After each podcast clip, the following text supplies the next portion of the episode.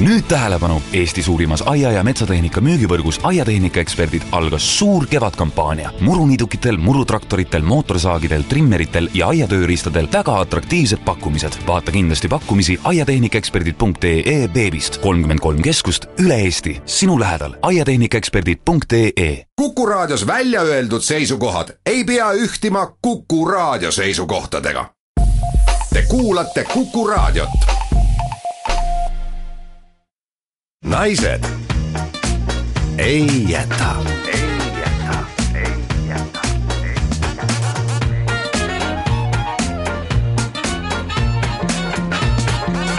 naised ei jäta. Tere hommikust, käes on laupäev, kell on üheksa läbi üheksa minutit, Naised ei jäta on jälle stuudios ja Kristi Kool, Mari Tummelas valmis teieni tooma uue saate tere hommikust! Ja alustame kohe kurva teatega, me ise oleme lohutamatud, teate see Kroonika kullast kaunis raske muna, muna.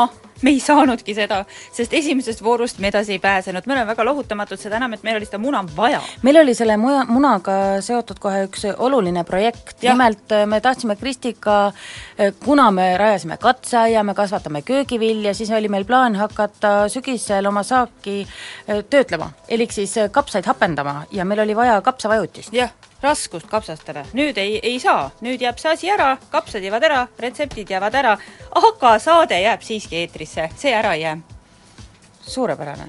eks ole ju, nii.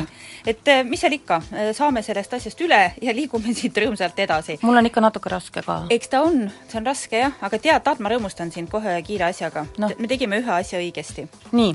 me tegime selle asja õigesti, et mäletate, me rääkisime Maritiga, kuidas me käisime tervisejooksu tegemas ja kuulsime konna, kes nuttis ja uss oli ta võtnud jalgupidi kinni ja küll vaevas see meid, kas me oleksime pidanud appi minema? Need konnakarjed kajasid meil terve oh, õhtu kõrvus, me olime selle nastiku peale tibapahased, mitte liiga palju, aga tibapahased. Ja Lääne Elus ilmus üks selline artikkel, kus üks vapper daam rebis konna nastikulõugude vahelt ära. ei ta päris nii ei teinud, ta võttis ettevaatlikult, hakkas äh, kangutama nastikulõugasid lahti ja siis, äh, kui ta oli konnast vabanenud, nagu on siin kirjas, siis see nastik laskis jalga ja, ja konn jäi ka ellu, aga siin nüüd tuleb välja, et ega see õige asi ei olnud, et äh, armastatud loomasõber ja meilgi Kuku raadios tuntud zooloog Aleksei Turovski ütleb, et see on lubamatu tegu, sest et tegemist on ikkagi ökosüsteemiga, looduses nii käibki ja äh, kui hakata kangutama konna, siis konn on juba viga saanud, ka nastikulõuad võisid viga saada, nii et kokkuvõttes see läks halvasti. aga mina selle daami peale pahane ei ole, sest teate tõesti, kui see konn appi karjub, endal ka süda tilkus verd tegelikult. jaa. jah, et ma saan aru sellest naisest. minul on tegelikult äh, mure no. mure on sellega seoses, et vaata, alati on see, et kellel on õigus ja kuidas ja. siis nii, et kummal siis on õigus, et kelle poole ma peaks asuma sellises situatsioonis, ma tean, et nõrgemaid peab kaitsma, kas siis konna või nastikut ja ma usun, et selles küsimuses ei ole meil ühtselt välja kujunenud seisukohta ja me peaksime õiguskantsleri poole pöörduma selle küsimusega. jaa, sest sellele küsimusele ilmselt ei oskaks vastata ka meie tänane intervjueeritav siin saates, kes kõneleb just nimelt loomade poolt. tema nimi on Kadri Taperson, ta on loomaõiguslane ja sellise organisatsiooni nagu Loomus asutaja, kasutaja, aga jah, kui mõlemal pool on loom, keda sa siis kaitsed, eks ole ju. tema kaitseb kõiki loomi ja temaga juttu ajamegi. esimese saatetunni lõpupoole me õpime ka seda, kuidas sulanduda massi nimelt on sellel nädalavahetusel ees kalamaja päevad ja me Kristiga tunneme muret, kuidas sulanduda massi, kuidas saaks meist hipsterid jaa, me läksime, võtsime stilisti kaasa ja saate lõpuks saate teada, kas meist said kalamaja hipsterid. teises tunnis me õpime netis ostlema, et seda võimalikult ohutult teha ja pärast oleks võimalikult vähe jama ja vestlusriigi daamid jagavad oma kogemusi, mida nad internetist on ostnud ja kuidas on läinud. esimene laul läheb peale nüüd. I've got ninety thousand pounds in my pajamas. I've got forty thousand French francs in my fridge. I've got lots of lovely lira now. The Deutschmark's getting dearer, and my dollar bills would buy the Brooklyn Bridge. There is nothing quite as wonderful as money. There is nothing quite as beautiful as cash.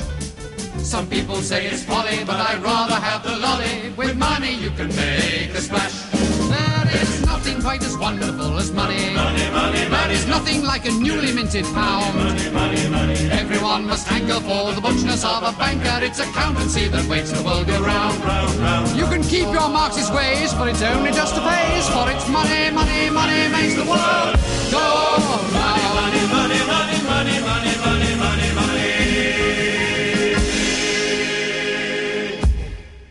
Ilus, lühike konkreetne laul rahast. kusjuures rahast kirjutavadki tänased lehed päris Täna on, mitu korda. jaa, lehed on paksult rahateemat, teemat täis, minu käes on Õhtuleht, siin on äh, artikkel, kaanetüdruk on Anu Saagim ja artikkel on sellest, et väidetavalt olla Anu Saagim naeratamise eest küsinud tuhat eurot vot siin käib või? ei tea, siin käib selline vaidlus, et üks Soome portaal on kirjutanud pika artikli, kuidas Anu Saagim iga naeratuse, iga lehvituse eest raha küsivat, on küsitud ka Anu Saagimilt, kas on nii, ütleb, et äh, tõesti, tõesti on ta esinemiste eest kohati raha küsinud, see konkreetne juhus ei tule talle meelde, aga peab seda plaani heaks, sest ta ütleb, et ta on ise kaubamärk ja, ja peakski enda ärakasutamise eest raha küsima.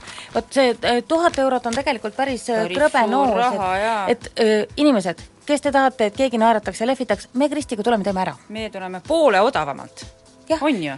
tegelikult no ja, ja. Saame, saame hakkama või? saame, saame alguses hakkama. me tuleme alguses poole odavamalt, naeratame selle eest topelt, nii et lõuad valuvad. ja me teeme raha pooleks. jah, ja meil tuleb jagada ka, nii et tegelikult on kõik nagu muidu saadud ju. jaa, sa juba harjutad, väga, väga tubli, väga tubli.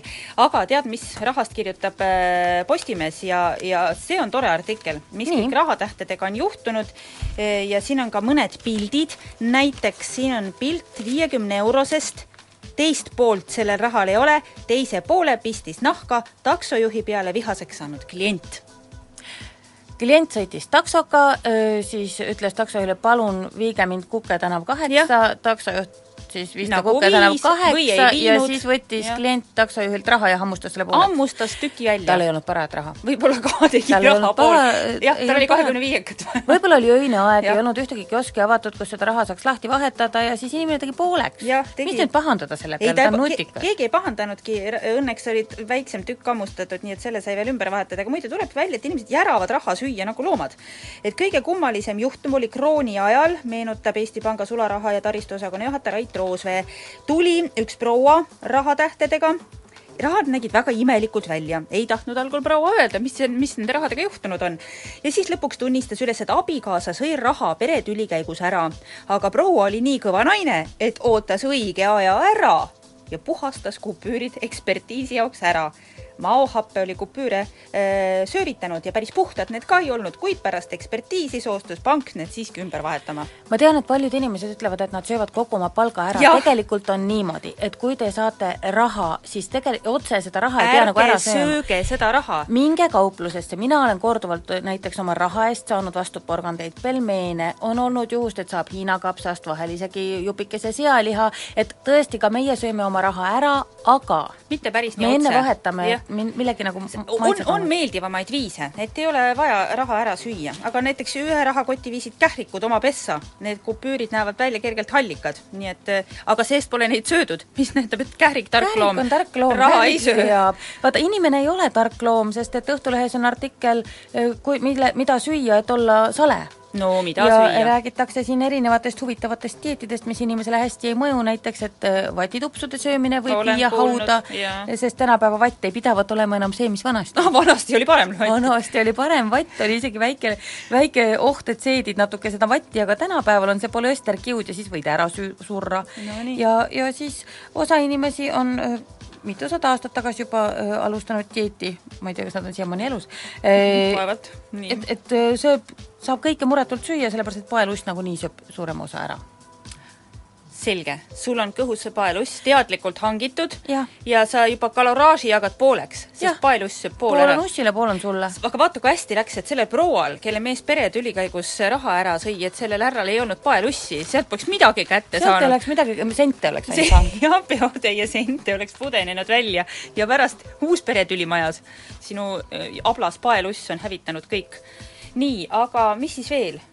raha, raha, raha teemalt rahateemast on veel, äh, Päevalehe esikaanel on väga hea uudis kõikidele daamidele, et juba täna mm -hmm. on saadaval Hispaania armuke hinnaga viis üheksakümmend üheksa. see on päris soodus hind ja et kui endal ei ole vaja, võib paar tükki lihtsalt osta varuks, teinekord lähed sünnipäevale, nii hea on. väga hea on, kui on võtta, ma ei tea küll, kas see on kilohind vast ikka tükihind. tükihind. kilohinnaks ei tulegi siis peaks vähe. olema märgitud järjekraamis, et on kilo. jah, täna me ju räägime sellest, kuidas peab olema kuulutuses õige info, seda järgmine saatetund. aga selles saatetunnis eh, nüüd õige pea räägime loomadest ja loomade õigusest, eh, õigustest sellise daamiga nagu Kadri Taperson naised ei jäta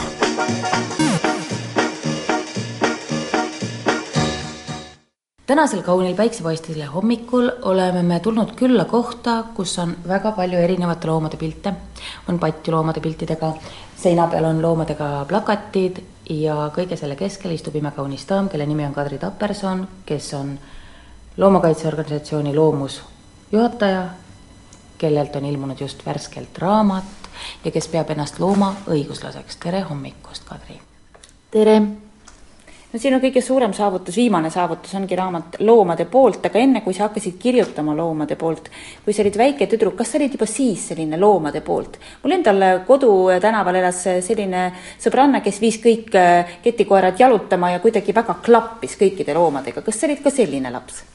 no mul vist oli selline kodu, et, äh, et sinna ma isegi nagu ei kujuta ette, keegi ei ole küsinud, et kas ma koju loomi viisin, ilmselt mitte, aga meil olid.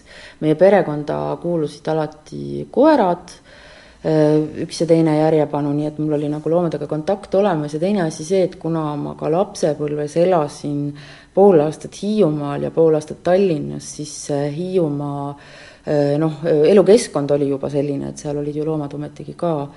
Ja ma ise tavaliselt olen sellele vastanud niiviisi, et et, ähm, see, kes loeb häid lasteraamatuid, see nagu äh, paratamatult õpib äh, ka kontaktiloomadega noh, natuke paremini ära võib-olla kui mõni teine. sa tegeled loomaõiguslusega, mida see tegelikult tähendab? no vot, ma, mul on ju niimoodi läinud, et eks ma tegelen ju või olen tegelenud peaaegu kõigega, et ma olen tegelenud ka niisuguse kõige tavalisema loomakaitsega nii kohalikul kui ka natuke laiemal tasandil ma olen pidanud Hiiumaa loomade varjupaika ja olnud ka näiteks Eesti Loomakaitse Seltsi koolitusjuht, noh, mis on niisugune ütleme siis ikkagi klassikalist, ütleme natuke kergemini mõistetavat loomakaitset siis noh, edasi andev, andev valdkond, eks. ja see loomus, mida te siin alguses nimetati, on nime poolest hoopis loomade eestkosteorganisatsioon, see tähendab, et me nagu seisame mingisuguse äh, mingisuguse grupi olevuste eest tundus, tundus hea aeg olevat see sõna kasutama, kasutusele võtta. aga loomaõiguslus on siis, see on ju ka väga lai valdkond ja väga vana valdkond, Eestis on ta nüüd küll ainult kümme aastat vana, isegi see sõna on kümme aastat vana, see sõna võeti kasutusele grupi inimeste poolt äh, kümme aastat tagasi, augustis kaks tuhat kuus täpselt tean, sest ma olin üks nendest inimestest, ja kõige laiemalt loomaõiguslus tähendab seda, et see on nagu mõtteviis ähm, nende inimeste mõtteviis, kes äh, usuvad üsna kindlalt, et inimesel ei ole põhjust ega ka õigust äh, loomi üldse kuidagimoodi ekspluateerida. et see on nagu kõige lihtsam selgitus. nii et sinna alla ei lähe mitte ainult kassid, koerad, lambad, sead, vaid ka rästik, konn ja rästas? no kuidas me seda rästast nüüd kasutame, aga, aga põhimõtteliselt jaa, igaüks, kes on loom, ja, ja kes on, kellel on silmad peas, teda kasutada ei võiks, noh, see nüüd ka natukene, et kui keegi võiks nüüd norida, et kuidas putukatega on ja nii edasi, aga aga eks selle piiri tõmbab nüüd igaüks endale ise tegelikult.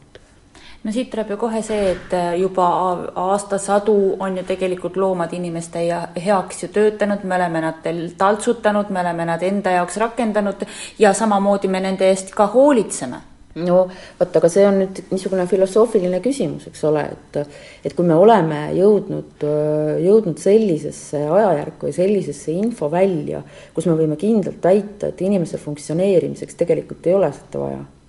ja, ja kui me oleme oma tsivilisatsiooniga nüüd sinna kohta välja jõudnud, et, et äkki võiks võtta ka vastutuse, siis miks mitte võtta vastu ka otsus, et me saame ilma teiste liikide kasutamiseta hakkama, sest tegelikult me saame selleks lihtsalt ei ole loomulikult äh, maailm valmis ja eks see kultuur on meil niisugune, nagu ta on. aga on olemas järjest rohkem inimesi, kes tõepoolest arvavad, et niimoodi on eetilisem käituda, see on kasulikum äh, loomadele, see on kasulikum tegelikult ka neile endale ja, ja mis on nüüd ju üks niisugune ütleme Eesti mõistes natukene uus info või uus ütleme selle mõtteviisi osa, on ju see, et see on keskkonnale kasulikum. Äh, taimse tarbimine on tõenäoliselt ainuke ainukene muutus äh, päästa meid keskkonnakatastroofist, nii et et see lai, see valdkond on palju laiem, kui, kui esialgu paistab, et noh, kui me alustame kassidest ja koertest, siis siis tegelikult on tegemist ju puhta keskkonnakaitsega mina saan sellest aru küll, et on väga ebaeetiline kasutada erinevaid loomi näiteks parfümeeriatööstuse katseteks mm, -hmm. samas on ju ka selliseid loomi, kes töötavad meiega koos, töötavad meie heaks, nagu näiteks juhtkoerad või teraapiakoerad. et kuidas sellesse peaks suhtuma? No see on nüüd jälle niimoodi, et äh, kindlasti on, oleks võimalik ka leida kuskilt mõni loomaõiguslane, kes ütleb, et, äh, et noh, see ikkagi võib-olla ei ole päris õige, aga ma arvan niimoodi, et äh, et inimeste ja loomade koostoimimine on, on hästi loomulik.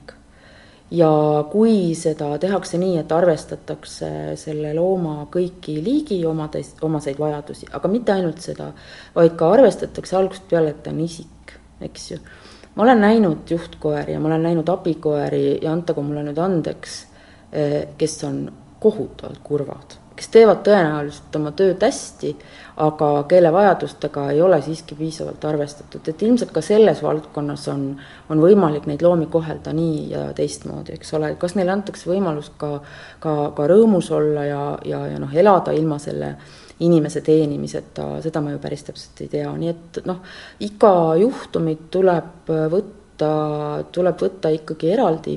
Ja noh, milles, mida ma nagu täiesti kindlalt usun, on see, et meie kogu oma intellektiga, infoga äh, siis inimene kui selline vastutab selle eest, mis saab edasi üldse, nii selle looma kui isiku elus, kui maailmas tervikuna, et noh, vot seda vastutust võiks nagu võtma hakata pärast seda, kui see raamat on läbi loetud, tekib kuidagi tahtmine no kuidagigi olla parem inimene või natukene midagi püüda. palju sa oled käinud nendes meie igasugustes tapamajades ja lihatööstustes ja ja, ja kui sa nüüd võrdled seda teiste riikidega, no kui hull see seis on, see on info, mida me tavaliselt ei taha teada, me eelistame panna silmad kinni ja kõrvad kinni, aga ega see ei tähenda, et need asjad ära kaovad tead, sellele raamatule on eelnenud tegelikult, äh, tegelikult eesti keeles veel mitu asja, eelmine aasta anti näiteks välja Vegan Seltsi poolt äh, niisugune raamat, mille pealkiri ongi põhimõtteliselt vegan ja, ja seda infot on nagu enne ka olnud, noh, loomakaitsest, loomaõiguslusest tõesti ei ole enne ilmunud.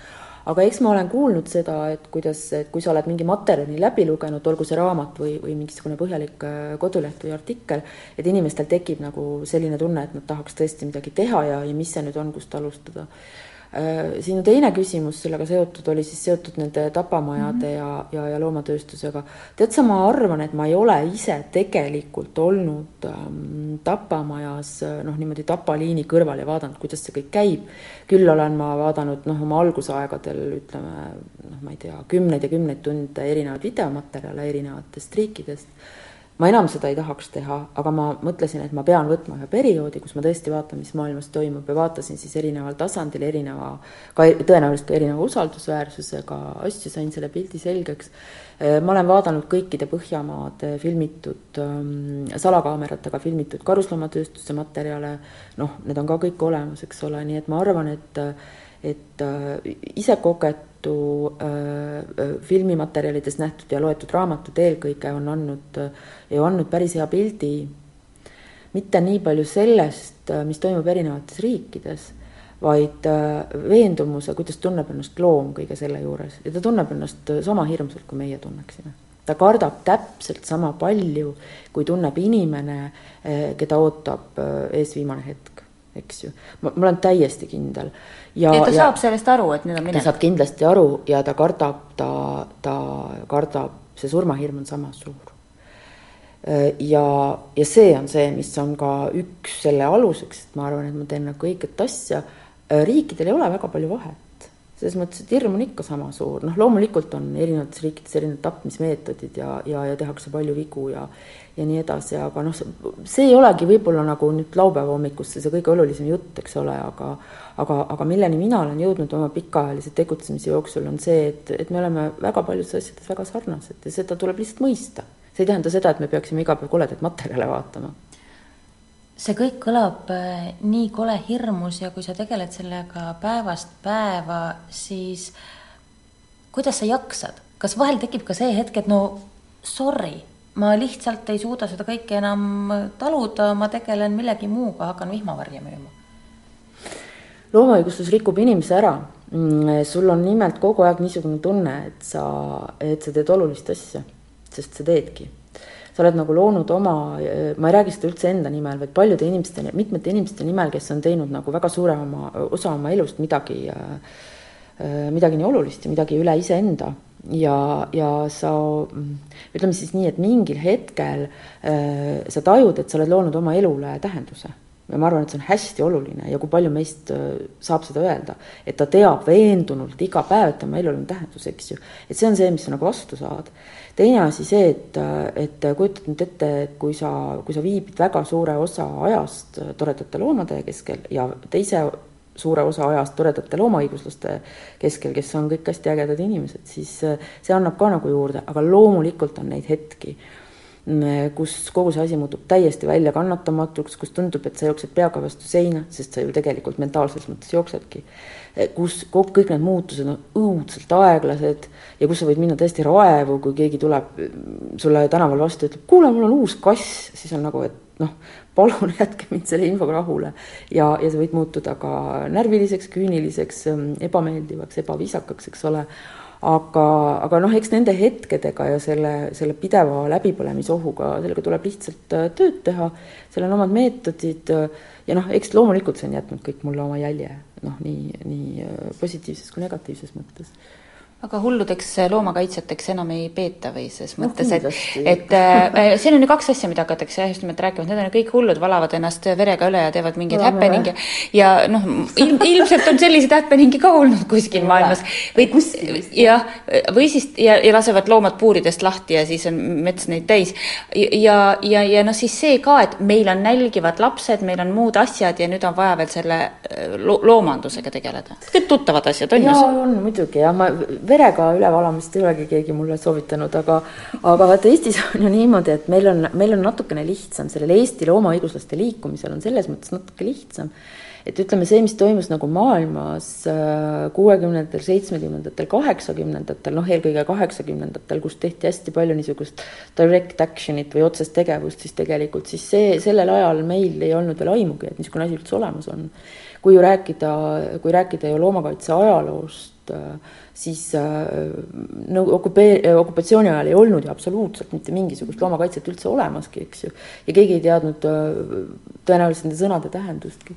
nii et, et meil on nagu mingi jupp ka selle looma õigusluse ajaloost nagu ära jäänud ja niisuguseid väga äh, ütleme siis väga tähelepanu väärivaid ja, ja et vaata, et kriminaalseidki sündmusi ei ole Eestis üldse toimunud, noh näiteks keegi äh, kes siin just hiljuti kirjutas, et ta ei julge oma kassukaga käia, sest äkki pritsitakse tinti, noh mitte kordagi ei ole olnud niisugust juhtumit, ütleme siis Eesti linnade tänavatel ausalt mitte kordagi ei ole.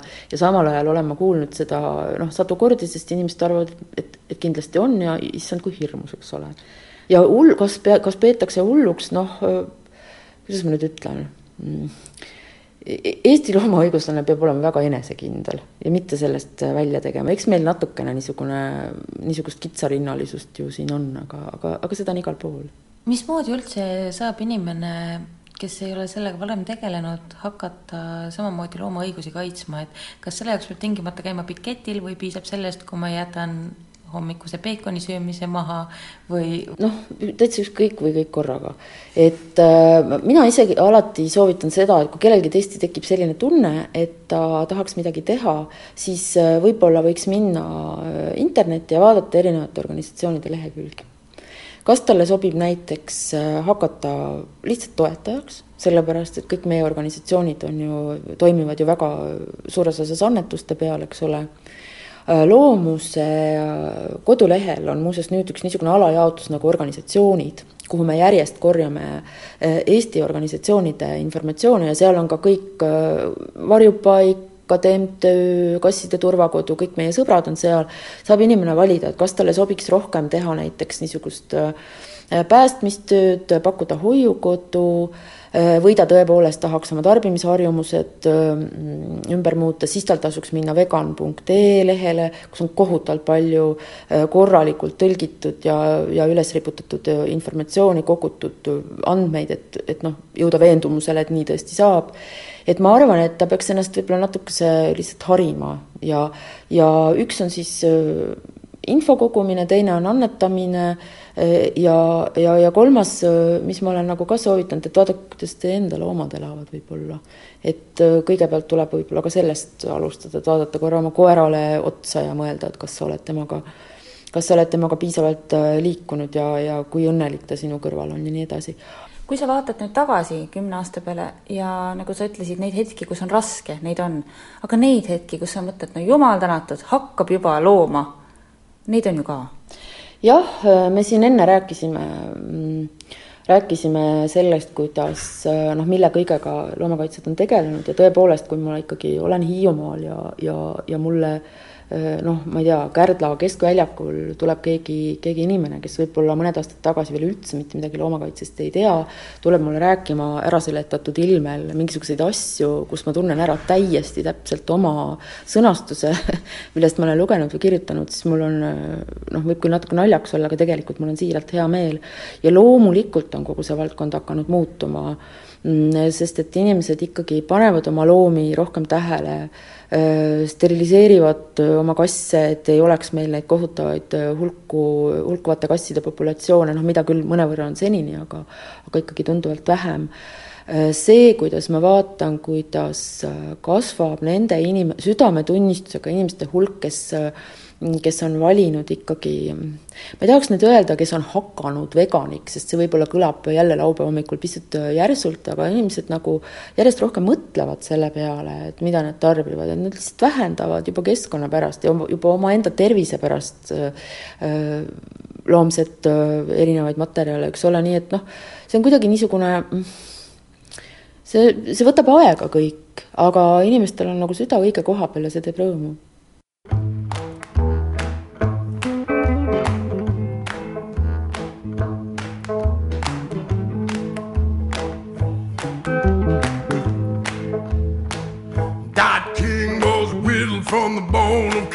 with a little drop of poison in her red, red blood. She need a way to turn around the bend. She said, I wanna walk away and start over again. There are things I've done I can't erase.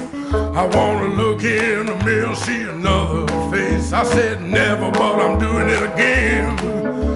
I wanna walk away and start over again.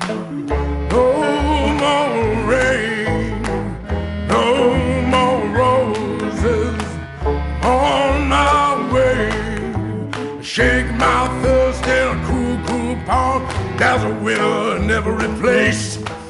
There's a heart that's beating in every page. The beginning of it starts at the end.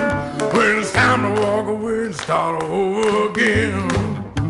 Weather's murder at 103. William Ray shot Cora Belly. A yellow dog knows when he has sinned. You wanna walk away and start over again. No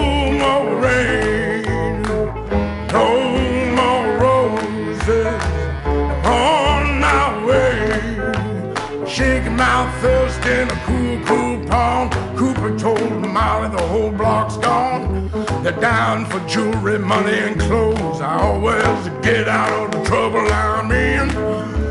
I wanna walk away and start over again. I left my Bible by the side of the road, caught my initials in an old dead tree. I'm going away, but I'm gonna be back when it's time to walk away and start over again oh yeah.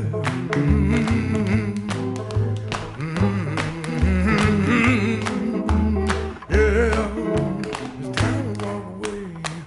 Gotta walk away. Gotta walk away. Just wanna walk away. Yeah, born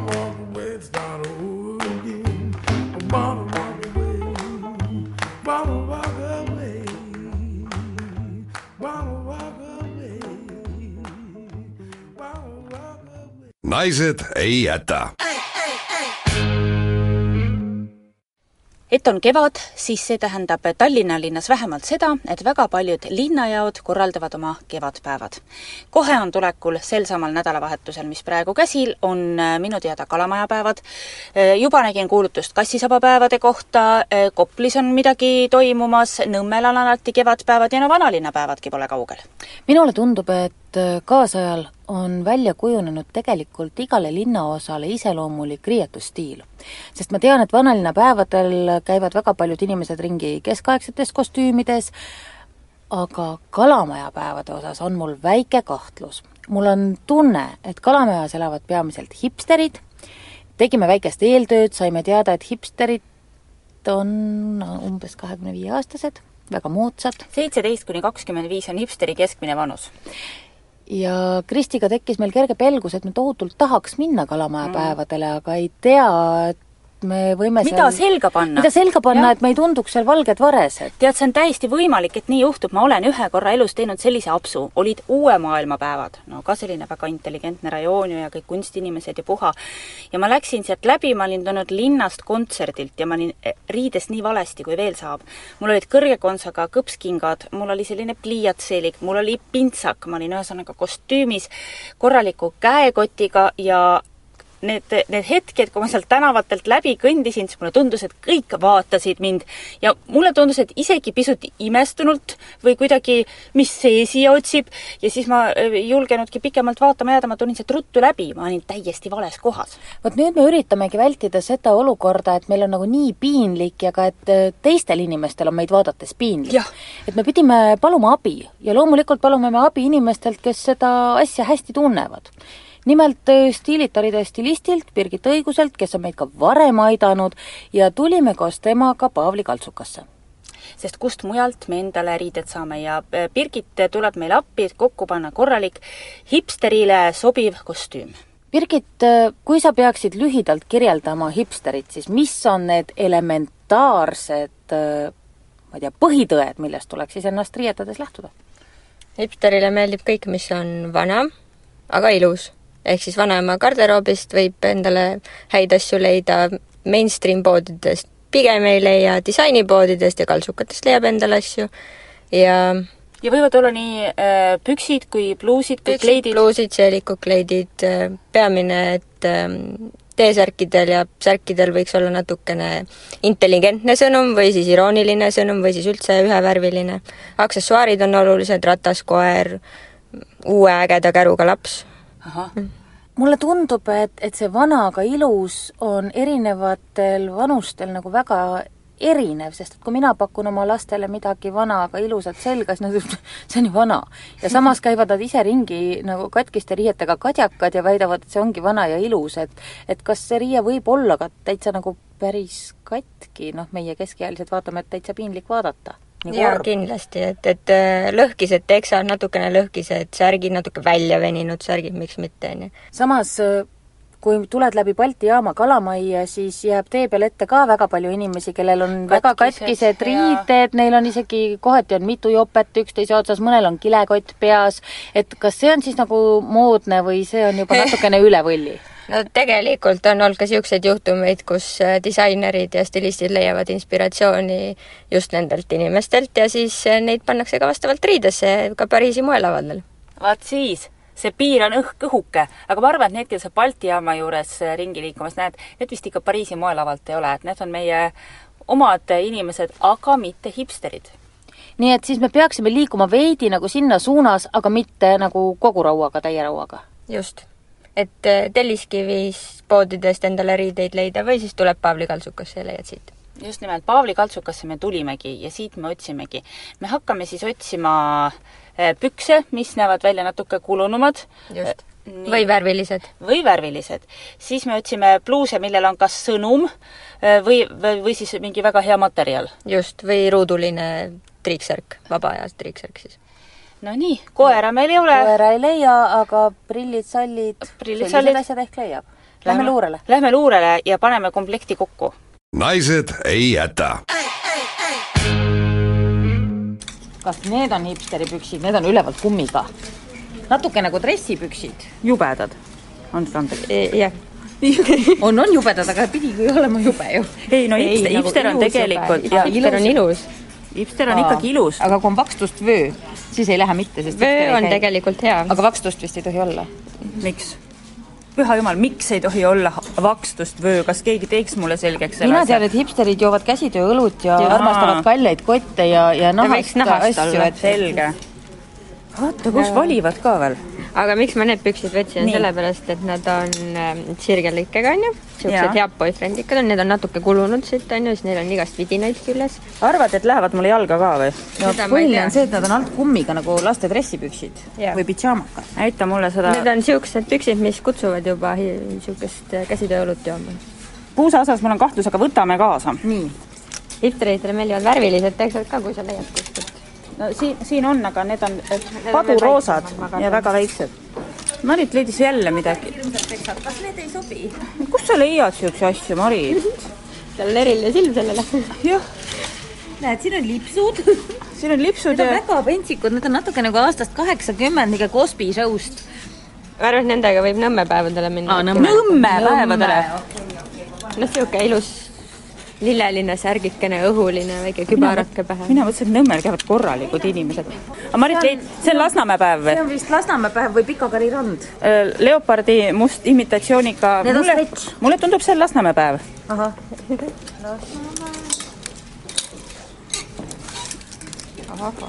nii, Birgit leidis midagi praegu. Need on meil täitsa mõeldavad. roosad püksid, näevad jälle nii väiksed välja. Need on Chino püksid Need on klassikalised siuksed ähm, sirged püksid mm. -hmm. võivad hipsteritele sobida, nendel saab hästi edukalt alumist otsa üles keerata. mis number see on? Skinny on sinna kirjutatud, pane ära. mida skinny, seda parem üldiselt. aga kuidas see skinny läheb inimesele jalga, kes ei ole skinny? panevad jalga. okay., seep on selle jaoks leiutatud. huvitav, kas keegi paneb ka seebiga pükse jalga või see on müüt? pannakse või?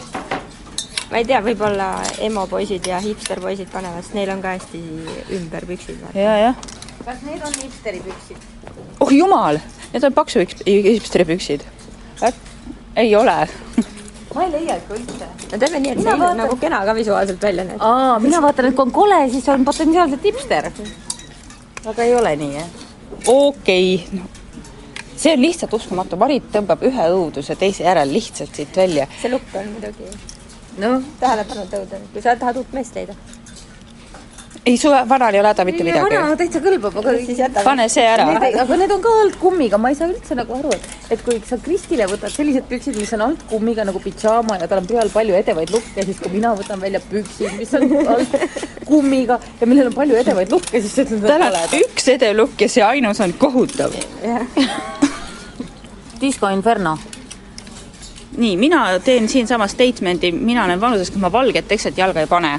aga kui Marit, sina tunned, et sul on õige aeg, siis jaa, ole lahke ma arvan, et õige aeg on mul käes küll, sellepärast et ma olen jõudnud järeldusele, et kui ma ei ole elu sees kandnud näiteks litritest koosnevat toppi või valgeid teksaseid, siis millal veel? just, just., millal veel, praegu on vähemalt naljakas. mul on see tehtud. sul on tehtud no,? mul on see tehtud puudu. ja pealegi avalikkuse ees. nii, aga kas meil on äkki nüüd mingi pükste valik olemas ja otsime nüüd endale ka pealisosa? sest ega hipster ei käi palja ülakehaga, niimoodi hipsterid ei tee ei, hipster ei käi palja ülakehaga, hipsteril on väga kummalised asjad. vähemalt koer on kaenud. katab ennast ülalt koeraga või? või käsitööõllega. käsi, jah, üle, ülevalpool hoiab ta koera või käsitööõlut. kaks käsitööõlut. jah, just. mis võiks olla siis äh, nende hipsteri tüdruku bluus? jah, tüdruku bluusi ähm,. see võiks olla ruuduline. aga materjalidest, mida tasuks eelistada? No läikivlükra vist ei ole teema? läikivlükra kindlasti ei ole, võib-olla linane puuvill, niisugused loodu, looduslikud öko. või siis äh, T-särk on ka päris hea hipsterina. nii. aga mitte igasugune T-särk? mitte igasugune, eks tal võiks olla ees ähm, kui me nüüd nalja teeme natuke, siis irooniline sõnum või siis äh, kergelt niisugune katkine lukk. aga kui on Justin Bieber peal näiteks? see kindlasti ei lähe. aga see on minu meelest päris halb juba, irooniline aga äkki see on irooniline Justin Bieber? mul on juba nii palju põnevaid, sa leidsid iroonilise kirja love ja puhas iroonia minu meelest on küll pesuähtne iroonia, aga, aga see on Lee Cooper ja, ja tal on ka veel hõbelitrid peal, et see vist ei ole hipster. oi, vaat selle peale ma poleks tulnud. ma see ka ei ole bluuse mina pakuks teda selga minnihiirele, sest et minnihiirele on ta suur, minni on kõhn minni on kõhn, aga tal on suured lipsud ja ta on kaetud suudlustega. seda küll, seda küll. su tursked suudlused. Pole ma elus midagi sellist kandnud, täna on see päev. kas nüüd lähme varsti proovima? jaa. Lähme võtame äkki mõned särgid ka peale. jaa. tead, me oleme ikka nõrgad ostlejad praegu, üks daam läheb suure korviga, mis on asju täis. Eelmine kord, kui ma siin käisin, siis üks naine käis ostukäruga nüüd on meil jäänud leida midagi peale, pitsats on see, mis köidab, Marit ütles, see paistab üleni läbi ju. jaa, hipsteril ei paista midagi läbi. hipster tegelikult ei ole niisugune seksikusega niimoodi püüdlev, vähemalt mitte teadlikult. ta on intelliga-, ta on liiga intelligentne Just. selle jaoks. midagi peaks ju peal olema. mingi seanahast valik ühesõnaga kilejope oh,. no kuule, tead, Eestimaa suvi on heitlik, laupäev võib vabalt jaa. vihma tulla, see on hea, kui sul on kilejope. oi, vaata, mis see on. see on ka tore. jaa, see on ka. See on Kristile jah, see katab mu tagumiku ära, väga hea plaan. noh, me paneme selga. jah, me proovime neid, vaatame, mis saab. oo oh jee. ma ei armasta üldse riiete proovimist. see on, see on alati, valus tõde sealt alati selgub. sina proovid seda. ja siis me hakkame kordamööda välja tulema ja siis me saame tähendab, ma ei ole küll kindel, et ma iga kord välja tulen. ei, no kui üldsegi nagu nööbid kinni ei lähe, siis ei tule.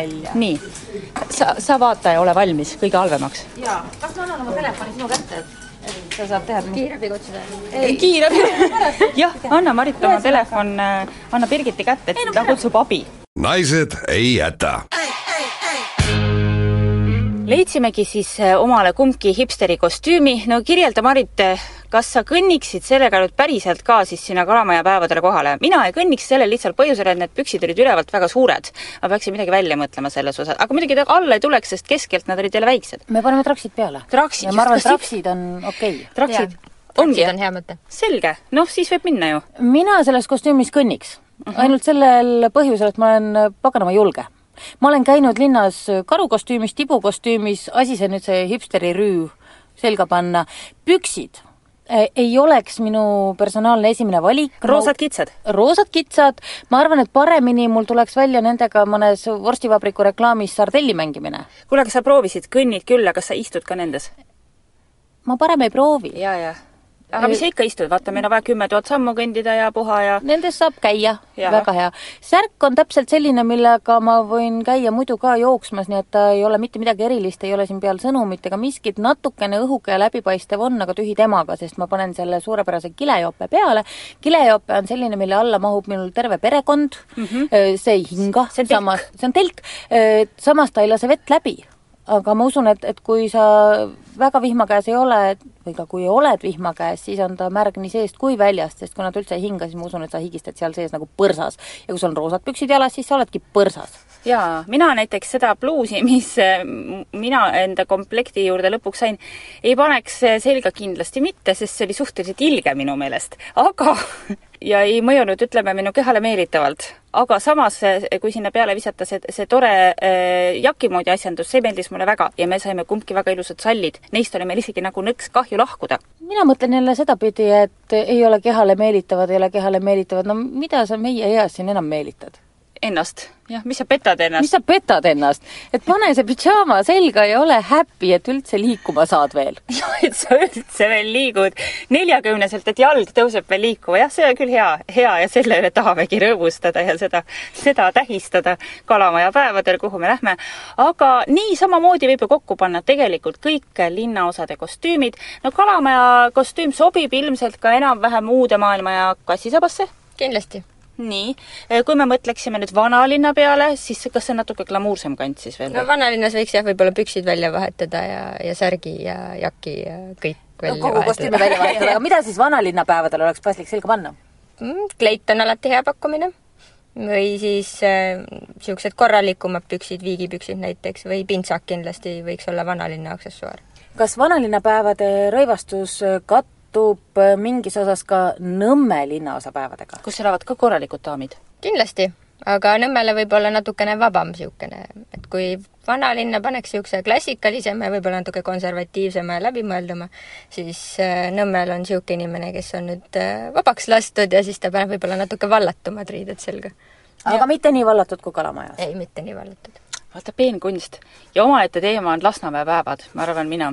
seal vist võib äh, rohkem ja julgemalt värvi ja läiget olla. ma arvan küll. laseme vabaks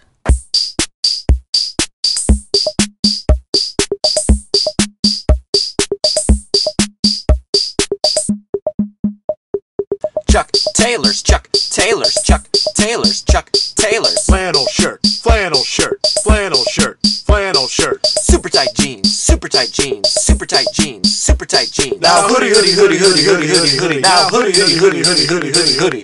Graphic tees, graphic tees, graphic tees, graphic tees. Ironic beard, ironic beard, ironic beard, ironic beard. Thick trim glasses, thick trim glasses, thick trim glasses, thick trim glasses. iPhone, iPhone, Dyed hair, dyed hair. Swoop to the side, swoop to the side. Now hoodie, hoodie, hoodie, hoodie, hoodie, hoodie, hoodie. Now hoodie, hoodie, hoodie, hoodie, hoodie, hoodie, hoodie. Mac, Mac, Mac, Mac. Jetta, Jetta, Jetta, Jetta. Sport coat t-shirt, sport coat t-shirt, sport coat t-shirt, sport coat t-shirt. Nerdy black friend, nerdy black friend, nerdy black friend, nerdy black friend.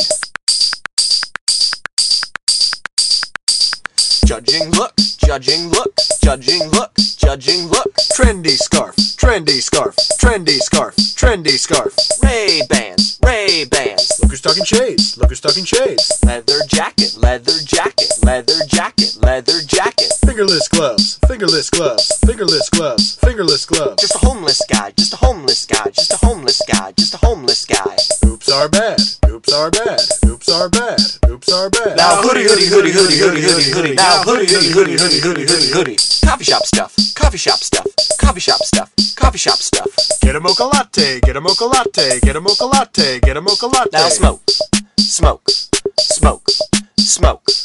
Pretend it's not Starbucks, pretend it's not Starbucks, pretend it's not Starbucks, pretend it's not Starbucks. Don't forget your vest, don't forget your vest, don't forget your vest with a Hoodie, hoodie, hoodie, hoodie, hoodie, hoodie, hoodie. Hoodie, hoodie, hoodie, hoodie, hoodie, hoodie, hoodie. Now try too hard, try too hard, try too hard, try too hard and done. naised ei jäta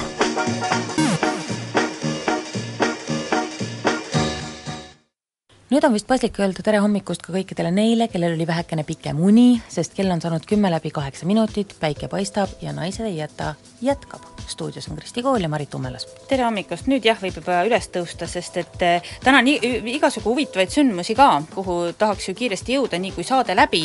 nii et eh, kuulake, pange samal ajal riide, peske hambaid, sööge ja siis eh, nii kui on lõppenud, võite välja kütta, sest mis kõik toimub, sellest me räägime saate lõpuosas. jaa, aga neile, kes plaanivad minna kalamaja päevadele ja vajavad stiilinõu, et kuidas rõivastuda, siis me just panime üles Facebooki ka need oma totaalse muutumise pildid, nii et minge vaadake, võtke šnitti. ja me isegi küll ei ostnud sealt midagi ära, aga me saime nipid selgeks, mul on juba täna need värvilised püksid. ma saan otse si siirduda kalamaja päevadele. väga edev, ma panin ka natukene väikseks jäänud püksid jalga. Neid võib natuke kulutada ka, lõhume neid ma terve pärast. selle saate aja hõõrun põlve pealt. ehk kulub popimaks. ehk, ehk ta kulub. nii et Facebookis Naised ei jäta lehele, seal saate meid näha kuidas me välja näeme pärast suurepärast stiilimuutust. Lummav. Lu-, lummav, lummav on see võtmesõna, loomulikult. selles tunnis me räägime peamiselt e-kaubandusest, vestlusringi daamid jagavad oma kogemusi, mida nad netis ostnud on, kas on õnnestunud, kas ei ole õnnestunud ja mis muidu nalja seal saanud on. enne seda kuulame ära aga väga asjaliku intervjuu, kuidas netis osta nii, et see oleks võimalikult ohutu. naised ei jäta nüüd räägib Naised ei jäta saade ostlemisest, sest naised armastavad osta. me täitsa avalikult tunnistame seda. võimalusi on ju nüüd äh, palju, saab minna poodi ja osta, aga võib jääda ka täiesti vabalt koju, teha interneti lahti ja poed on kõik seal olemas, saab osta ka sealt. ja inimesed kasutavad seda võimalust üsna meelsasti. meie küll vähem, peame nüüd tunnistama.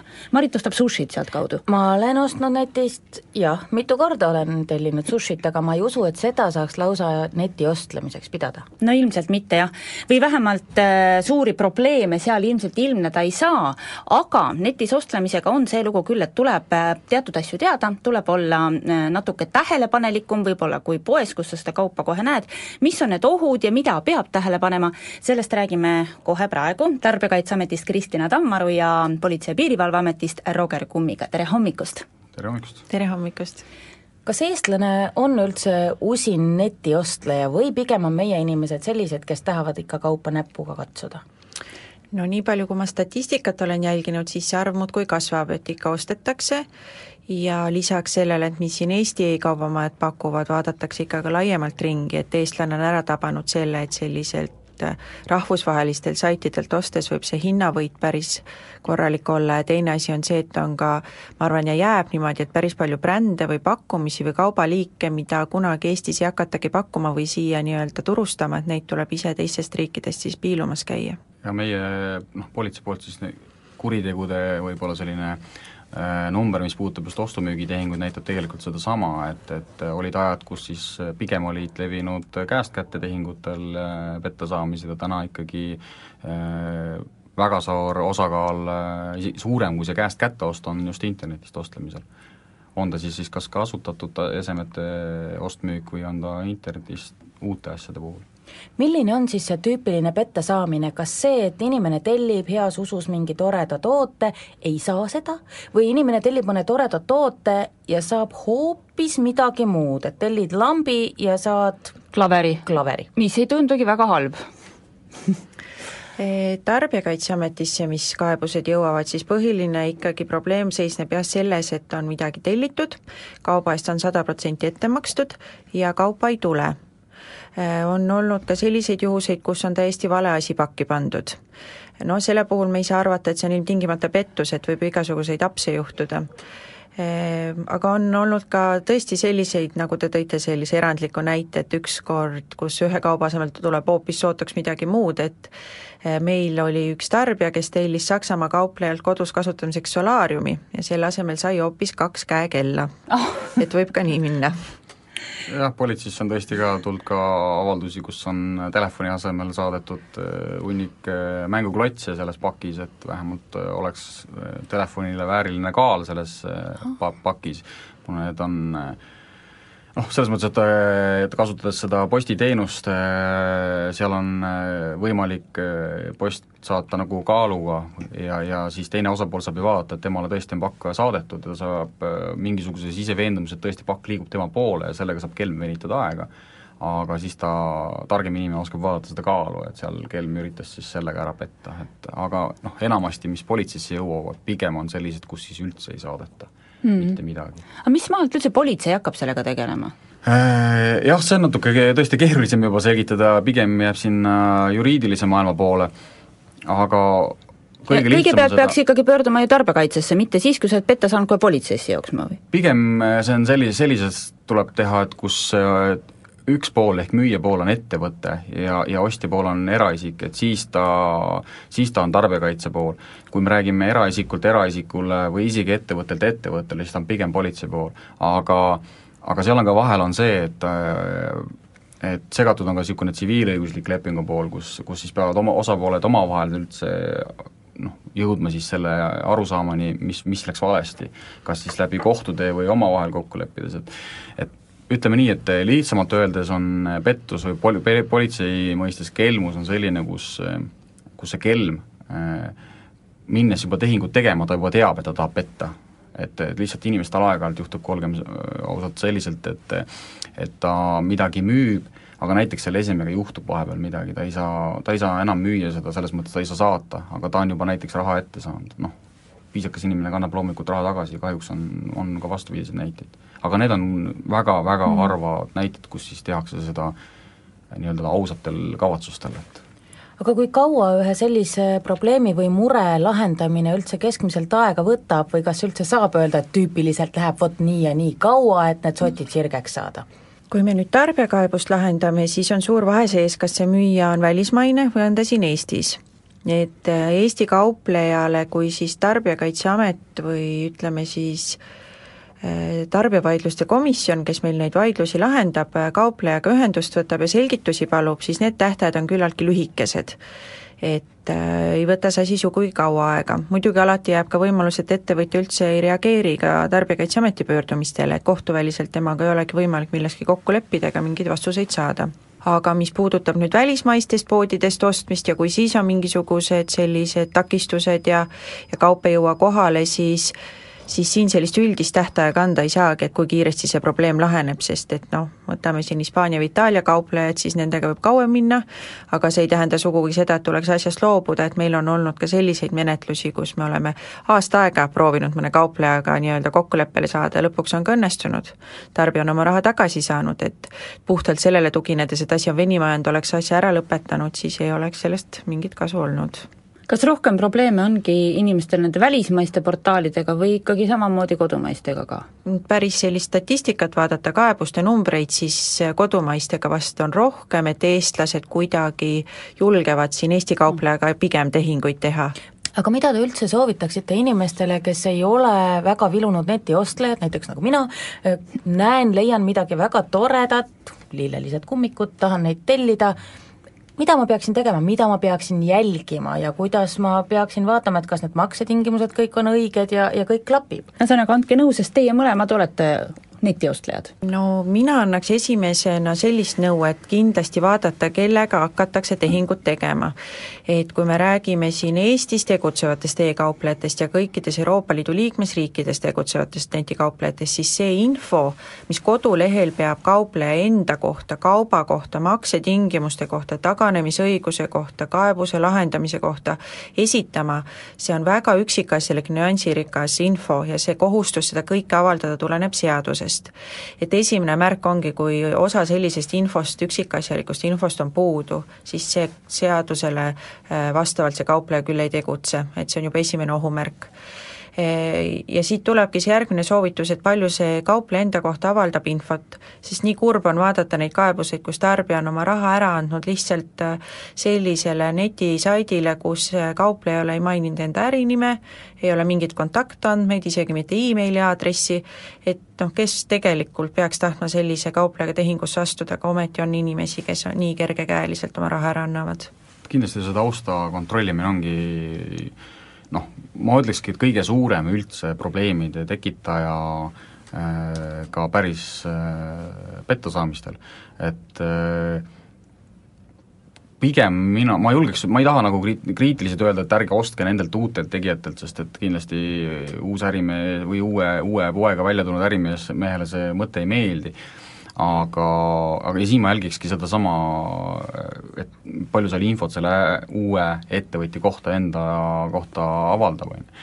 aga, aga samas võiks alati vaadata, mis ajalooga see, see pood on, et kui tal on positiivne ajalugu, siis, siis pigem tasuks nagu eelistada seda, et kindlasti tasub vaadata ka selle poole, kuidas need maksed teostatakse, kas palutakse kohe esimese ostu puhul teie krediitkaardi andmeid või, või on võimalik ka läbi vahendaja, vahendajate maksta, ehk näiteks PayPal või mõni muu seal äh, rahavahenduskeskkond see, seal on teie need krediitkaardi andmed äh, pigem turvalisemalt äh, säilitatud kui, kui nendel uutel poodidel, sest uus pood võib küll heatahtlikult alustada, aga see ei tähenda, et ta heatahtlikult oma nii-öelda karjääri lõpetab, et ja siis on need kuskil, teie krediitkaardi andmed kuskil väga noh, ütleme siis õrnal pinnal ja neid võidakse kuritarvitada, et et äh, taustakontroll eelkõige ja siis, kui maksma hakata, siis vaadake, et läbi mille te maksate, et et ei tasu niisama neid krediitkaardi andmeid igale poole panna. samas me soovitame jälle kasutada krediitkaarti, sest et äh,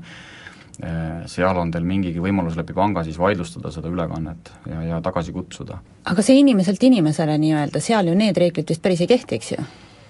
jah, seal äh, inimeselt inimesele nad ei kehti, inimeselt inimesele kehtivad taustakontrolli reegel ikkagi, selles mõttes see on põhiline, sealt see keht-, see on kõige tugevam, olenemata, on see ettevõte või on see inimene. ja, ja ka inimese puhul, kes siis kuskil portaalis ei avalda küll oma nime, aga on kasutaja nime taha peitub nii-öelda, siis samamoodi, nii, mina ütlen maakeeli, guugeldage. kuidas see peaks siis äh, käima, kui ma leian näiteks Osta.ee keskkonnast midagi endale sobivat, seda müüb kukeke sada seitse, no kuidas ma teda guugeldan? Äh, sellesama, sellesama kukekese järgi, tavaliselt selle kukekese taga on ka emaili aadress, kindlasti tasub seda korraks, noh loomulikult seda saab ka uut teha, aga see ongi see kriitiline koht, kus siis te näete, et see on uus kasutaja e, emaili andmed ei anna teile vastet, siis äh, vahemärkusena ütlen, et äh, ostas näiteks saab ka autentida ID-kaardiga, müüja eelkõige, siis kui ta seda teinud ei ole või peaks jälle olema natuke kriitilisem, sellisel juhul, kui te näete, et ükski asi ei anna nagu taustakontrolli tulemit, siis äh, küsige andmeid juurde.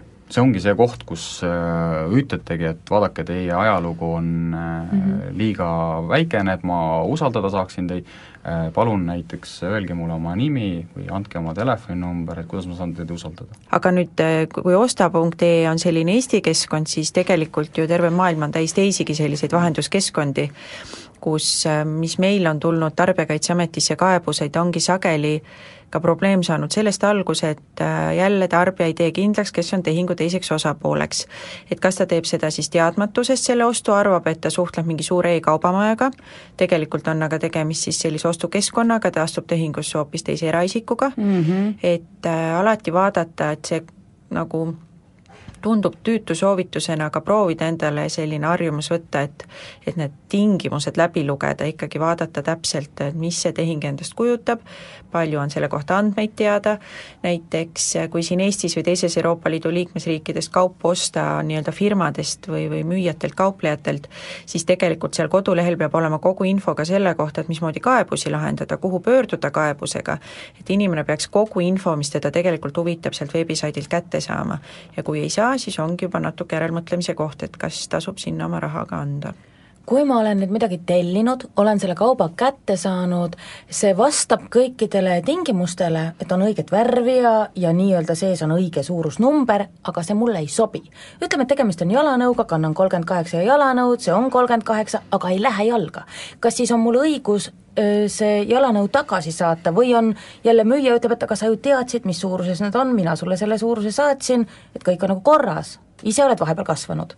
See ongi üks selline netikaubanduses siis vist see väga suur plusspool, et et kui toode ei sobi, siis võib selle tagasi saata ja selleks ajaks on neliteist päeva et see puudutab nüüd meil Eestit ja kogu Euroopa Liidu riike. ja mida võib-olla sabe, sageli tarbijad ei tea, on see, et selle neljateist päeva jooksul ei pea kauplejale seda kuidagi põhjendama ega õigustama oma seda soovi see kaup tagasi saata, vaid see on tarbija seaduslik õigus, neliteist päeva võib ta selle kaubaga nii-öelda selles mõttes tutvuda või mõelda, kas ta ikka tahab seda, kas see on päris see, mis ta ootas, ja siis selle tagasi saata. ainus selline koht, mida tasuks ennem analüüsida, on see, et et need tagasisaatmise kulud on tavaliselt tarbija kanda. loomulikult peab sellest olema jälle poe tingimustes tarbijat teavitatud, aga reeglina on need pandud tarbija õlule, et kui me mõtleme mõne suuremõõtmelise kauba peale, kas või televiisor või midagi sellist, siis teinekord see tagasisaatmise kulu võib osutuda nii ebamõistlikult suureks, et see tehing ei tasu ennast lihtsalt ära. aga üldiselt jah, selle neljateist päevaga võib rahulikult arvestada, et see on tarbija seaduslik õigus kaup tagasi saata aga kui nüüd see televiisor, mille ma olen tellinud, teen paki lahti ja ta on puruks siis ma pean ka oma kulu ja kirjadega ta tagasi saatma? ei pea, sellisel juhul, kui nüüd rääkida juriidilisest terminist, me räägime kaubast, mis ei vasta lepingu tingimustele. ja sel juhul ei kasuta tarbija oma neljateistpäevast taganemise õigust, vaid esitab siis kaebuse selle kohta, et toode ei vasta tingimustele. ja kui see tõesti nii on, siis sellisel juhul ei tohi selle probleemi lahendamine tuua tarbijale ühtegi lisakulu kaasa. samas, kui rääkida sellest, et teete karbi lahti ja ese on sees puruks läinud, näiteks neti teel tellitud ost, siis mina soovitaks seda, et kui on kaup, mille puhul see katkimineku oht on suur, et ta transpordi käigus võib kahjustuda, siis tasuks see kas siis kulleri või postkontori töötaja või kellegi sellise juures avada ka see karp, et kui ära mm -hmm. fikseerida selle kauba nii-öelda olek, et kas temaga on kõik okei okay,, sest tagantjärgi tõendamine võib tõesti raskemaks osutuda. aga see nüüd käib kõik äh, uue kauba ostmise kohta poest, äh, netipoest, mitte nüüd äh, inimeselt inimesele kui te ostate inimeselt inimesele, siis me räägime ikkagi tsiviilõiguslikust suhtest ja, ja saab otse pöörduda selle inimese poole või järgmine etapp on kohtu poole. Äh, paraku see ongi see kriitiline koht, et kui te ostate üle piiri kuskilt välisriigist, siis te peate pöörduma ostjana kahjuks selle riigi poole, kus asus see müüja. et siin ongi see kriitiline koht, et iga inimene peaks nüüd aru saama, et kui ta ostab käest kätte kaupa, näiteks küll vahendusportaalist, siis see portaal ei vastuta mm. otseselt selle müüja tegu, tegude eest. Te peate olema valmis minema sinna riiki oma õigusi nagu kaitsma või siis loete, oletegi pügada saanud et kõlab täiesti meie sellise loosungi järgi, on ju. nii et kui ma leian internetist, et mõni tore Peruu põllumees müüb kristallist parti, siis enne, kui ma seda tema käest ostma hakkan, et siis ma mõtleks väga hoolega järgi, millised on kõik need riskid, mis võivad selle pardi tellimisega kaasneda see on jah, sellise ostu-müügi tavaline praktika, et äh, risk on seal alati olemas. I like to do a song of great social and political import. It goes like this. Oh Lord, won't you buy me a Mercedes Benz? My friends all drive Porsches. I must make amends. Worked hard all my lifetime, no help from my friends. So, oh Lord, won't you buy me a Mercedes Benz? Oh Lord, won't you buy me a color TV? Dialing for dollars is trying to find me. I wait for delivery each day until three. So, oh Lord, won't you buy me a color TV? Oh Lord, won't you buy me a night on the town? I'm counting on you, Lord. Please don't let me down. Prove that you love me and buy the next round. Oh Lord, won't you buy me a night on the town? Everybody, oh Lord, won't you buy me a Mercedes Benz? My friends all drive Porsches. I must make amends. Worked hard all my lifetime, no help from my friends. So, oh Lord, won't you buy me a Mercedes Benz? That's it. naised ei jäta. kätte on jõudnud meie vestlusringi aeg ja me oleme kutsunud stuudiosse külla Ülle ja Heleni, kes jutu järgi olevat kõvad netiostlejad, tere hommikust, daamid! tere! tere hommikust! no kui tihti? no ikka iga nädal. Iga nädal ostad midagi või müüd midagi? jah, täpselt midagi, midagi ma kindlasti teen, kas ostan või müün. Vau, ja sina, Ülle? no mitte nii tihti võib-olla, aga no ütleme üle nädala siis kas te räägiksite ausalt ära, kust see kõik alguse sai, millest, kuidas, moodustame energiaringi? ärme seda vast moodusta, sest et su käsi ei ulatu Heleni käeni. jah, see ringi me ei moodusta, aga see, sellel küsimusel on jumet, et tõesti, tõesti, kuidas asi alguse sai?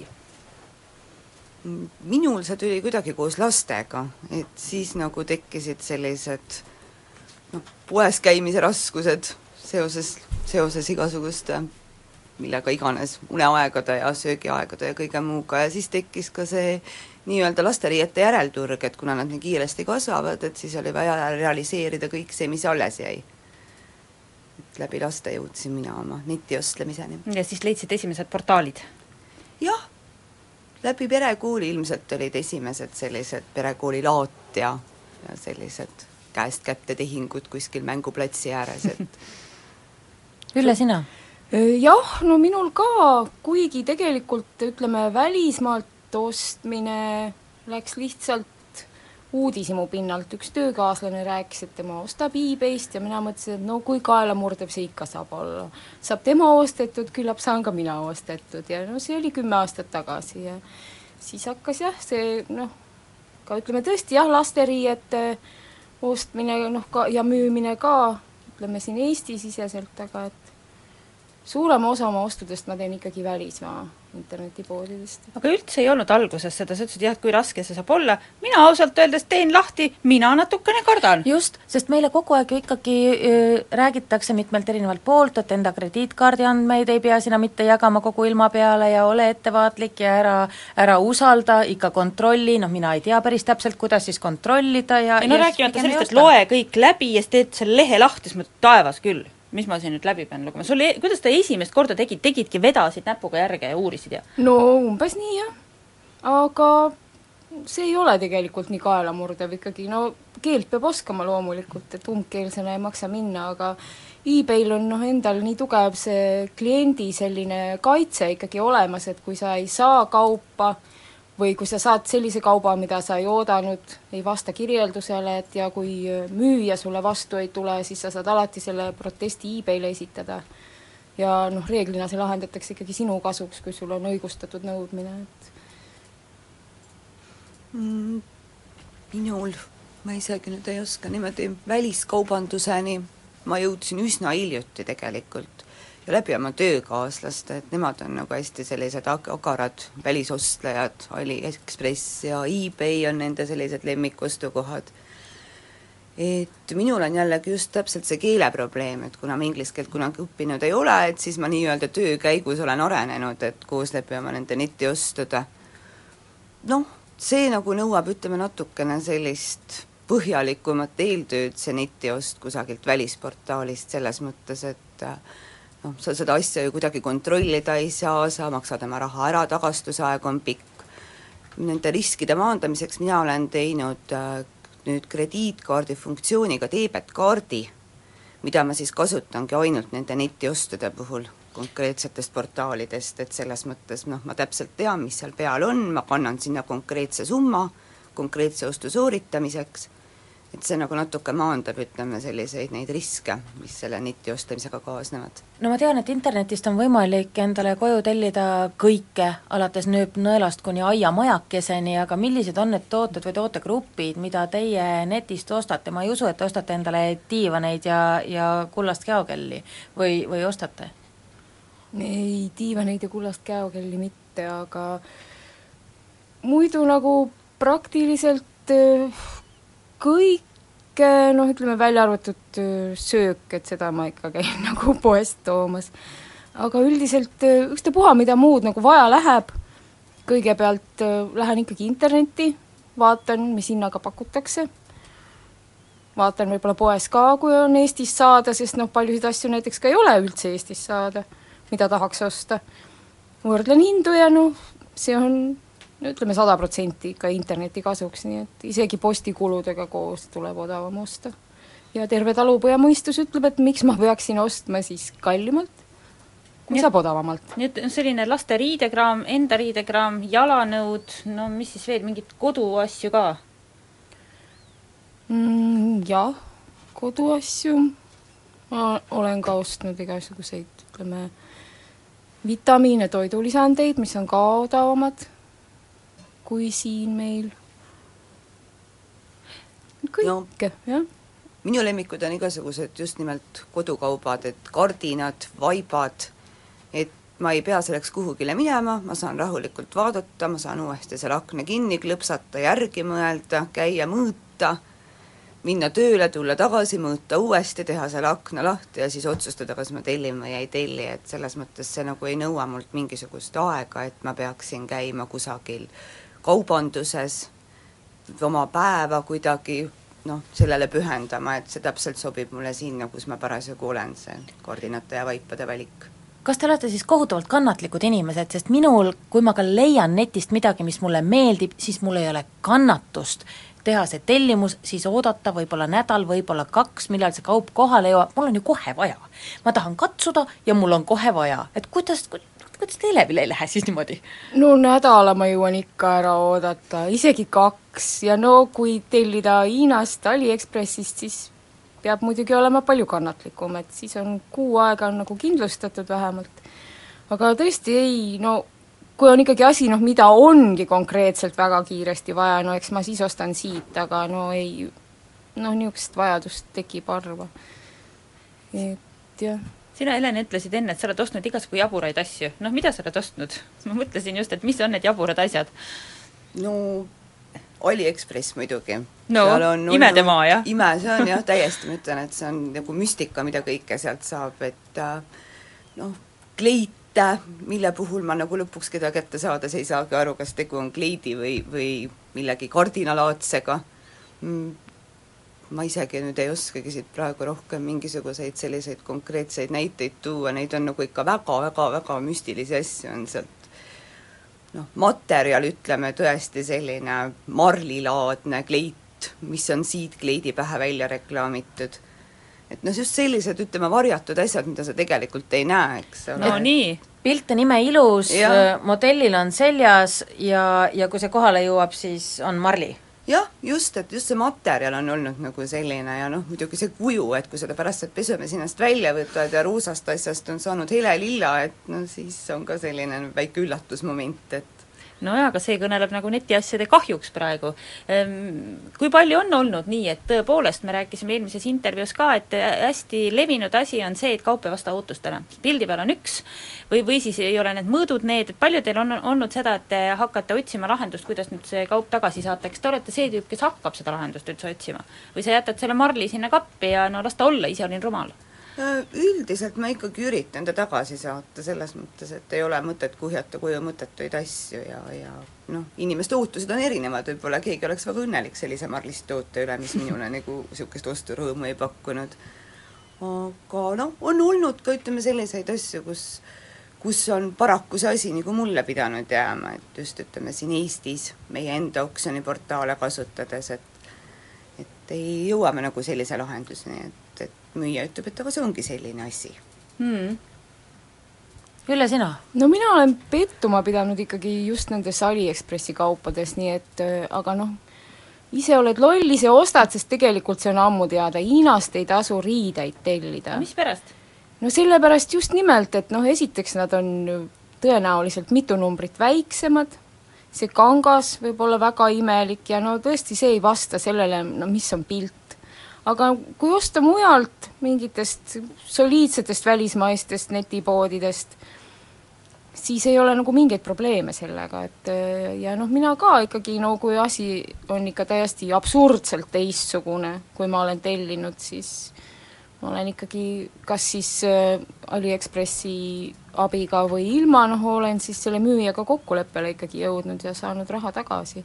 aga noh, samas ma olen sealt saanud äh, noh, lastele väga toredaid neid onesisid, pükstükk ütles Marit selle kohta, ühesõnaga, või siis ka ma olen saanud väga ilusa koti endale, et noh, kõik ei tule sealt, kõik ei ole seal Hiinas jama, aga ma ütlen, et kuna see on nii tohutult suur ja seal on meeletult müüjaid, siis see, et alguses mind äh, peletaski selle juurest just see ära, et seal on jube raske välja sorteerida seda, mis on kvaliteetne et äh, aga noh, ma ütlen, et nüüd ma tean, ma lihtsalt ei osta riideid sealt, kuigi vahel oleks kiusatus, sest no tavaliselt ei tasu sa seda kuu aja pärast niimoodi saad oma õhinaga oodatud asja kätte ja siis on jälle aga võib juhtuda nii, et mõõdud missugune. nagu on, et vaatad ju, mõõdad ära, vaatad, mõõdud klapivad, aga nad ikkagi ei klapi?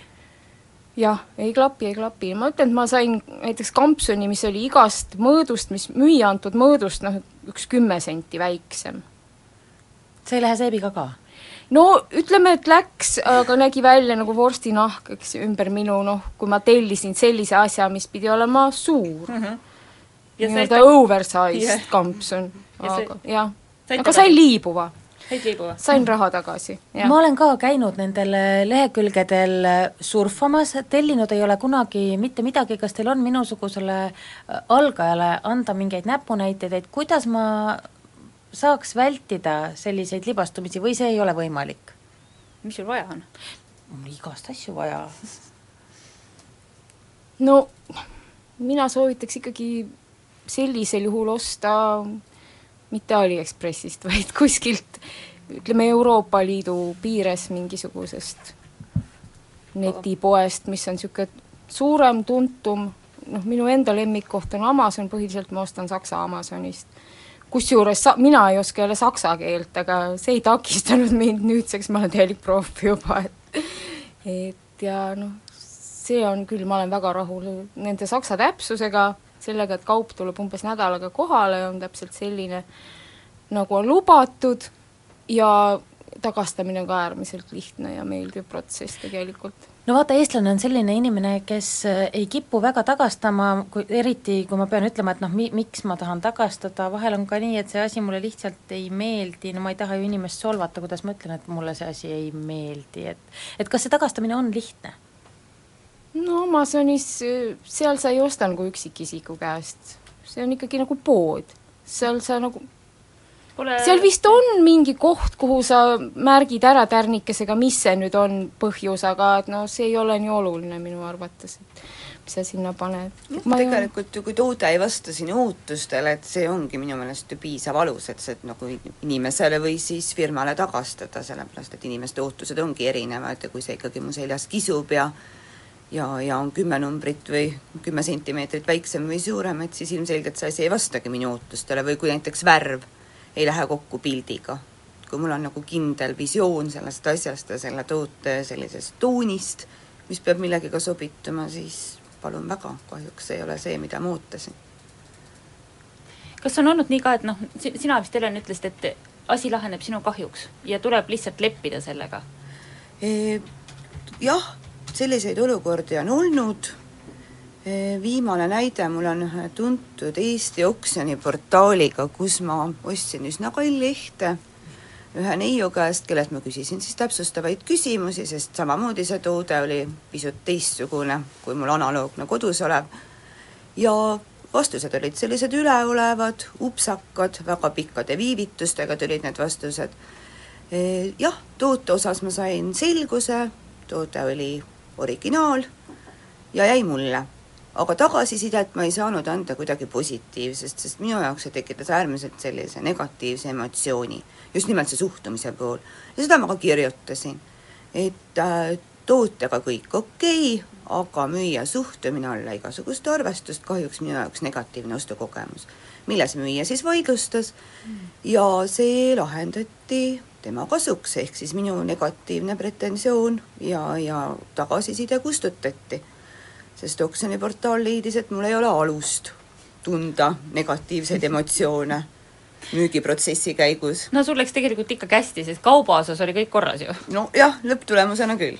sinu jutust käis läbi äh, selline sõna et äh, toode oli originaal.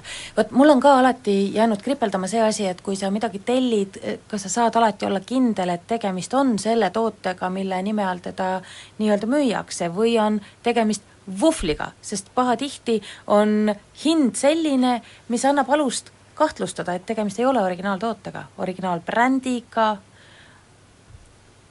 Mm, no üldiselt selliseid kallimaid ja, ja ütleme, selliseid, millelt ma eeldan, et asjal on kvaliteet ja ta peaks olema originaal, tasub ikkagi tellida esinduskauplustest, netikaubamajadest, kus on selles mõttes ikkagi garantii ja loomulikult need tooted on kallimad, et mis seal salata, see on paratamatus. aga ütleme niimoodi, et näiteks kui sa kellegi käest soovid osta nii-öelda järelturu korras midagi, ja kui sa küsid inimeselt, et kas tegu on originaaliga, ma olen saanud üsna mitmel korral vastuseks, ma ei tea mm. -hmm. noh, mis tekitab minus juba kahtlusi ja see toode lihtsalt jääbki ostmata selles mõttes, et noh, kui sa ei tea ta päritolu, eks ole, sa ei suuda seda mulle tõestada, et tegu on originaaliga, siis kahjuks ma ei osta seda asja, sest noh, mina nagu ei toeta sellist vuhveldamist ja, ja noh, selles mõttes minu jaoks on selline asi välistatud. kui on originaal, on originaal ja kui ei, siis jääb ostmata no kellele tundub, et asi on läinud äh, järjest turvalisemaks, kuigi pahalaste maailm areneb ju ka kiires tempos, äh, siis siiski äh, mõlema daami kogemused nagu julgustaksid, et Marit, sa võiksid ikkagi proovida endale midagi osta. tead, mul tuli meelde. noh? ma olen ostnud. sa oled, mis sa oled ostnud? ma olen ostnud äh, lõnga muidugi sa oled ostnud lõnga, selles me ei kahtlegi. ja tegelikult sa oled ostnud ka ühed kummikud, mis on ma... väga õpetlik lugu jällegi. jällegi õpetlik lugu, ost-, no ma ise ei ostnud, õigemini selle ostu sooritas minu abikaasa minu tungival pealekäimisel, sest tema on enne netist ostnud, ostis mulle kummikud, kummikud olid läbipaistvad kummikud, sest mul on väga palju ilusaid sokke, mida ma tahtsin kogu maailmaga jagada, aga kui nad on kummiku sees, nad ei paista ja siis on vaja läbipaistvaid kummikuid, tellisin kummikud. nüüd on nad Kristi kummikud. jaa, need on need minu kummikud, sest et äh, siin oli küll see, et number ei klappinud, jah?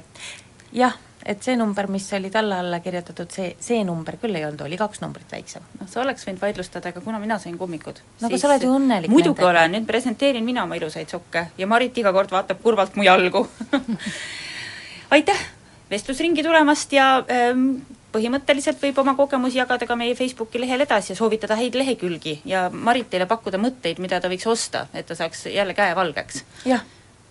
aitäh!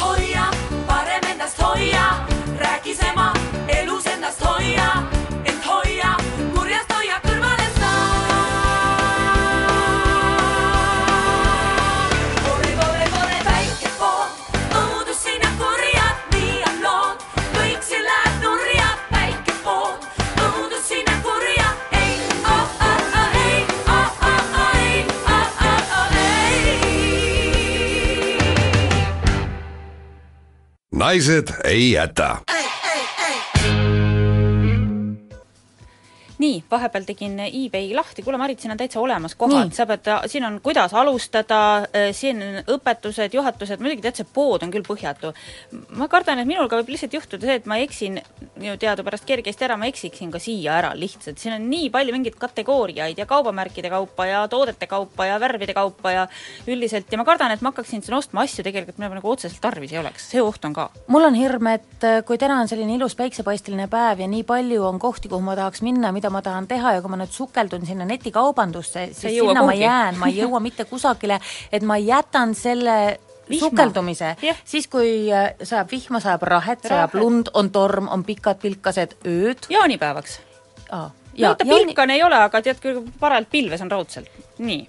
Aga täna, kus on ilus ilm, täna on teha jube palju. väga palju on teha. no kalamajapäevad on, eks ole ju. aa, ja kõigepealt kõik, muidugi kõik vilistlased, kõik Tartu Ülikooli vilistlased peale Mariti mehe, kes on praegu kodus ja hoiab lapsi, sest Marit on ju siin saadet tegemas, need on juba kõik Tartus kohal, suur vilistlaste kokkutulek toimub, nii et seal on kindlasti lõbu laialt. nii, siis Kalamaja päevad täna ja homme, kuidas sobituda, vaadake meie leheküljelt riietus, dress code'i. Dress code'i, sest me tegime ennast hipsteriteks ja kohe, kui saade saab läbi, läheme sulandume meie massi. Kalamaja päevadel massi kuigi tegelikult Kalamaja päevad ei oleks minu esimene valik, kui päris aus olla, siis on üks üritus täna, mis kripeldab mul juba aastaid hinge peal ja nagu siuhti jälle täna ma ei jõua sinna no.. sest see algab juba kell kaksteist, toimub see Viljandimaal Heimtalis see on spordiüritus. oo, ja sa tunned, et sa peaksid olema seal? ja ma tunnen seal. juba mitu aastat, tunnen seda tungi sinna minna no.. sest tegemist on äh, võistlusega käi ja koo, kus võisteldakse maastikul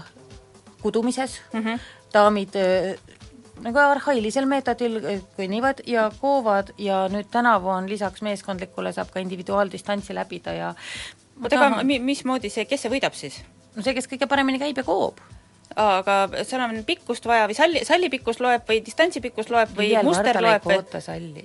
aa, see on viiel vardal kudumine või? viiel vardal, loomulikult jah. ja registreeruda saab ka koha peal, nii et kes on Heimtali kandis, daamid, tõtake, tõtake kell kaksteist saab, ei, vardab saab koha pealt, korraldajatelt saab. kõik saab koha pealt, jah? kui ei ole varustust kaasas, ikka saab minna aa, vot sulle, kuule, aga järgmine aasta äkki üritame, sealt Mina, saaksime reportaaži teha. kuigi tegelikult on äh, täna ka maijooks ja, ja võib-olla Tallinna kandi daamid, et saavad minna maijooksule kuduma. aga seal tohib kududa või? ma ei tea. jah, kuidas reeglid ütlevad et eh, seal osad käivad nende kõpi, nende kepikõnd, kõndi nende asjadega. Nendega Nii. saab heegeldada äkki kui sul on need dokid ja sa käid seitse kilomeetrit, ma arvan, et saaks üht koma teist juba punuks valmis küll. muidugi, muidugi. Eh, samal ajal on eh, Kevadpealinnas Türil loomulikult lillelaat, see hakkas pihta juba eile, me võiksime olla ka seal ja oma viis tomatit ära ärida, mis meil Priit Poki nimelises katseaias vohavad praegu. ja need jäid ellu. Need jäid ellu, meil on hea meel teatada, et lilled surid kõik ära, aga meil on elus kaks paprikat, üks baklažaan ja vist viis kuni kuus tomatitaime. Nad on kõik elus? kõik on elus, elus. me võiks need seal maha härida, aga me vist ei jõua sinna jälle ei jõua. Lähme homme jah, see teeb murelikuks, see teeb murelikuks ja, ja Türil on algamas ka kell üksteist kolmkümmend on vipp viievõistlus ja sinna me ka ei jõua, kuigi ma tean, et Türil elab üks Tiina, et tema võib õigeks ajaks jõuda, kui ta Tiina, jooksuga hakkab minema Tiina, praegu. sa jõuad vipp viievõistlusele ma ei tea, mis seal teha tuleb. ma ei tea. uskumatuid üritusi toimub ikka üle Eesti ja me ei ole kajastanud ka ühte väga tähtsat teemat, alati kui me lööme eelinfo sisse, et vaatame, mis toimub, siis me näeme, et buss number kakskümmend seitse suunatakse ümbersõidule ja me ei ole kunagi lugenud seda. aga olge siis nüüd sellestki informeeritud juba muide alates kaheksateistkümnendast aprillist, tööpäeva algusest kuni kolmekümnenda juuni tööpäeva lõpuni suunatakse liini number kakskümmend seitse autobussid, ilmselt siis Tallinnas, ma eeldan, mõlemal suunal ümbersõidumarsruudile Paldiski maantee, Järveotsa tee, Astangu tänav, Paldiski maantee ja Järve kalda tee mulle tundub, et see on see kant, kus me käisime konni päästmas, nii et äh, informatsioon bussi ümbersuunamisest on täiesti asjakohane. järelikult, jah. ja me loeme selle nüüd konnadele ka ette, et nad teaksid, ärge palun ületage sealt teed, sest seal on buss ümber suunatud ma arvan, et konnad on juba oma teed ületanud või siis leidnud oma otsa nastikulõugade vahel. meie peame nüüd selle saate kokku tõmbama raske on see töö? see kokkutõmbamise kokku töö, sellepärast et need lilled, need jooksud, see kudumine, sport, nastik, bussid ajavad mul pea segi. nii palju oleks teha, aga tehke kõik need asjad ära. Vahepeal kuulake, kes ei jõudnud, kes alles nüüd pani raadio käima, siis me paneme järelkuulamise lingi ka loomulikult oma Facebooki lehele üles ja Kuku kodukal on see ka olemas, nii et nautige mõnusat nädalavahetust, tehke midagi toredat, meie tuleme tagasi järgmisel laupäeval, kohtumiseni siis!